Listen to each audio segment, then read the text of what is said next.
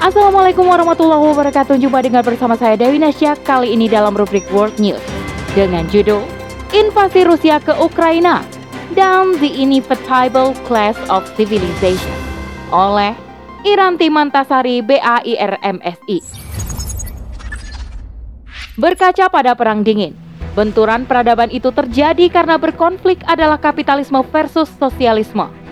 Rusia sebagai pewaris Soviet yang berhaluan sosialis pun hari ini sejatinya merupakan pseudo-sosialis karena dalam banyak aktivitas yang dilakukan, metode dan rencana strategis yang digunakan adalah apa yang berlaku di dalam kapitalisme. Begitu pula dengan Ukraina. Kapitalisme merupakan ideologi yang dipilih untuk dijadikan landasan bernegara. Atas dasar inilah, pandangan bahwa Perang Dunia Ketiga sukar bahkan tidak mungkin akan pecah saat ini karena aktor-aktor yang berkonflik sejatinya sama-sama merupakan pengemban kapitalisme itu. Simak seutuhnya tetap di podcast Narasi Pos Media. Narasi Pos, cerdas dalam literasi media, bijak menangkap peristiwa kunci. Sepekan sudah, sejak Vladimir Putin, Perdana Menteri Rusia, mengumumkan operasi militer khusus terhadap Ukraina. Kegemparan dunia dalam merespon ambisi Putin untuk menginvasi Ukraina itu pun mewarnai berbagai tajuk di banyak portal berita nasional dan internasional. Pasukan yang diutus Rusia ke Ukraina juga sudah mulai menggunakan persenjataan mereka untuk menarget titik-titik strategis termasuk di Kiev, ibu kota Ukraina. Dilansir dari ABC News, sejumlah 836 ribu warga Ukraina sudah berusaha melarikan diri dari negaranya demi memastikan keamanan mereka dan agar mereka tidak menjadi korban konflik yang terjadi. Tak hanya itu, tercatat 14 anak telah meregang nyawa akibat serangan yang dikirimkan Rusia atas Ukraina sejak 24 Februari 2022. Upaya untuk menghentikan serangan pun sudah berusaha untuk dilakukan, mulai dari perundingan yang dikabarkan akan dilakukan oleh Rusia dan Ukraina di Belarusia hingga sanksi internasional terhadap Rusia yang diharapkan bisa menekannya dan menghentikan agresivitas invasi ke negara yang dipimpin oleh Vladimir Zelensky itu. Komunitas sipil di berbagai negara juga menyuarakan penolakan dan pengungkapan kutukan mereka atas serangan ini. Di Rusia sendiri, demonstrasi yang menolak sikap tidak manusiawi. Putin ditanggapi secara represif oleh aparat yang membuat banyak demonstran ditangkapi. Pemimpin serta pejabat negara-negara lain pun menunjukkan sikap yang salah satunya ditunjukkan oleh Menteri Luar Negeri Israel dengan mengatakan bahwa serangan yang terjadi merupakan pelanggaran terhadap ketertiban internasional. Dengan melihat perkembangan dan dinamika kondisi yang terjadi antara Rusia dan Ukraina, tidak sedikit yang menghipotesiskan bahwa Perang Dunia Ketiga bisa meletus melalui momentum upaya invasi Moskow ke Kiev. Hipotesis ini salah satunya dilandasi oleh alasan bahwa munculnya persekutuan dan keberpihakan terhadap Rusia dan Ukraina. Lantas, Bagaimana seharusnya dunia khususnya umat Islam memandang masalah ini? Dalam diskursus politik dan hukum internasional, invasi yang dilakukan oleh suatu aktor negara terhadap pihak lain tidak bisa dibenarkan. Hal ini dikarenakan dunia pasca Perang Dingin tahun 1991 terhimpun dalam sebuah konsensus internasional untuk mengupayakan agar perdamaian senantiasa menyelimuti dunia. Salah satunya adalah dengan menjadikan demokrasi sebagai sistem pemerintahan yang diadopsi oleh banyak negara yang diasumsikan paling mampu mencegah perang meletus di tengah komunitas internasional. Hal ini dikarenakan demokrasi yang berasaskan pada kedaulatan rakyat dianggap bisa mencegah perang selama rakyat tidak setuju untuk melakukannya. Dengan demikian, invasi sebagaimana yang dilakukan Rusia ini diakui sebagai pelanggaran terhadap ketertiban internasional dan perenggutan terhadap hak asasi setiap manusia. Secara teori, memang demikian adanya. Hanya saja, realitas berkata lain.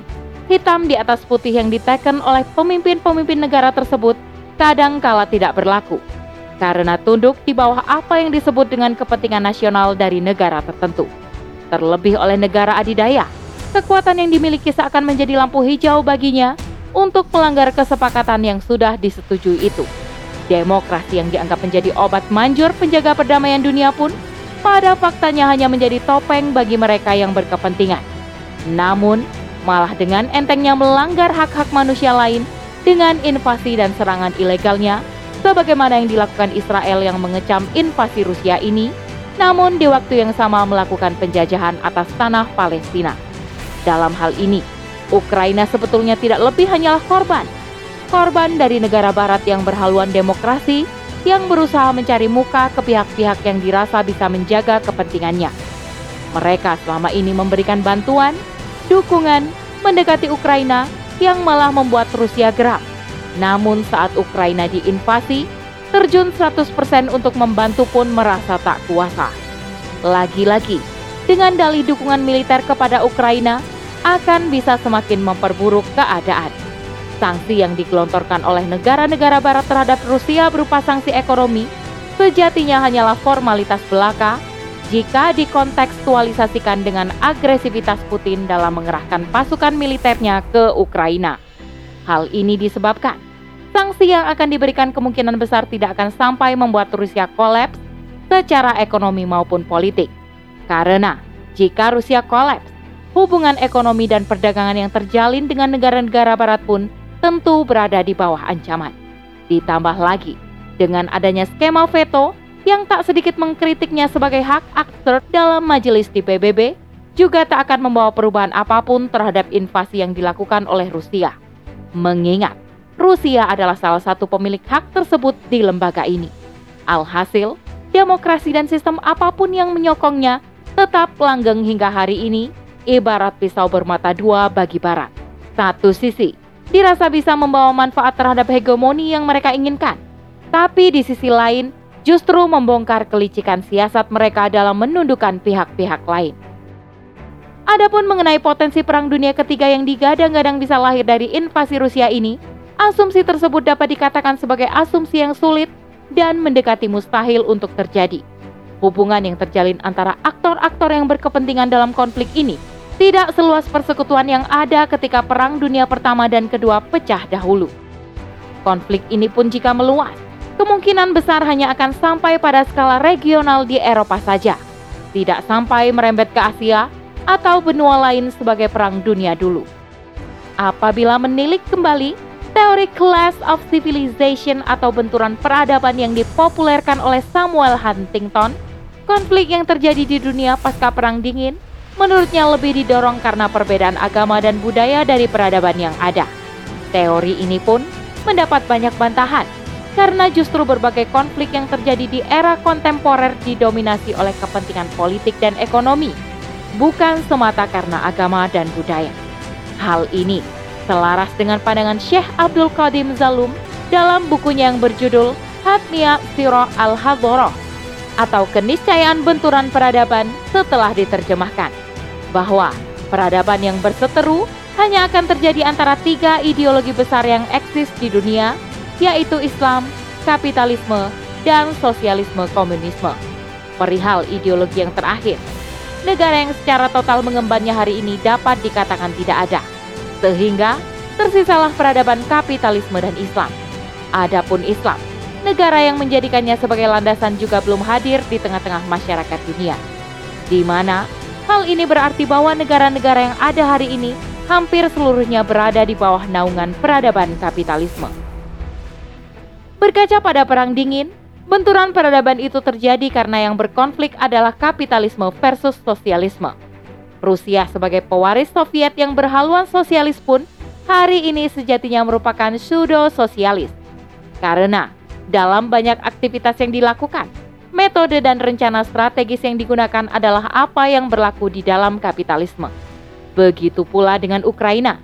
Kapitalisme merupakan ideologi yang dipilih untuk dijadikan landasan bernegara.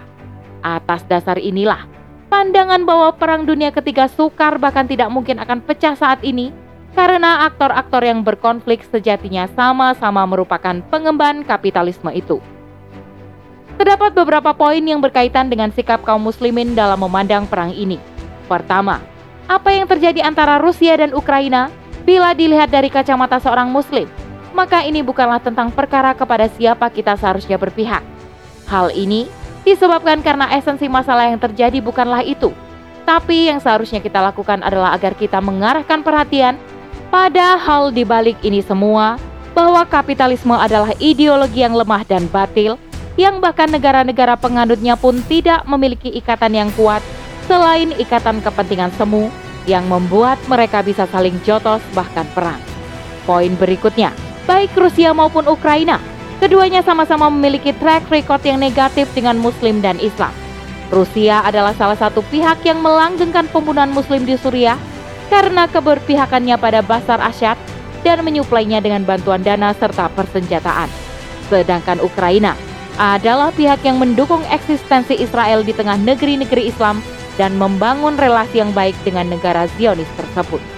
Dua fakta ini seharusnya sudah cukup menjadi dalil yang kuat bagi kita untuk lebih cerdas lagi dalam memandang konstelasi politik internasional. Salah satu tujuannya adalah agar kita tidak terjebak dalam arus yang sengaja diciptakan oleh pihak barat dan agar umat Islam memiliki bargaining position sehingga membuat kita bisa menjadi pemain aktif dalam politik internasional. Selanjutnya, jika memang umat mengkhawatirkan pecahnya perang dunia ketiga, maka kekhawatiran itu seharusnya dialamatkan pada ketiadaan negara yang mengemban ideologi Islam, yang dalam istilah fikih dikenal dengan khilafah Islamiyah. Absennya negara ini dalam percaturan politik global hanya akan membawa malapetaka yang lebih besar terhadap umat. Perang dunia tanpa adanya khilafah pun dapat dipastikan akan menyengsarakan kehidupan manusia. Namun, jika khilafah ini ada, umat ini akan memiliki perisai yang senantiasa melindungi keamanannya dari rongrongan kepentingan negara kufur. Wallahu a'lam bisawab. Demikian rubrik World News kali ini. Sampai bertemu di rubrik World News selanjutnya. Saya Dewi Nasjak undur diri. Assalamualaikum warahmatullahi wabarakatuh.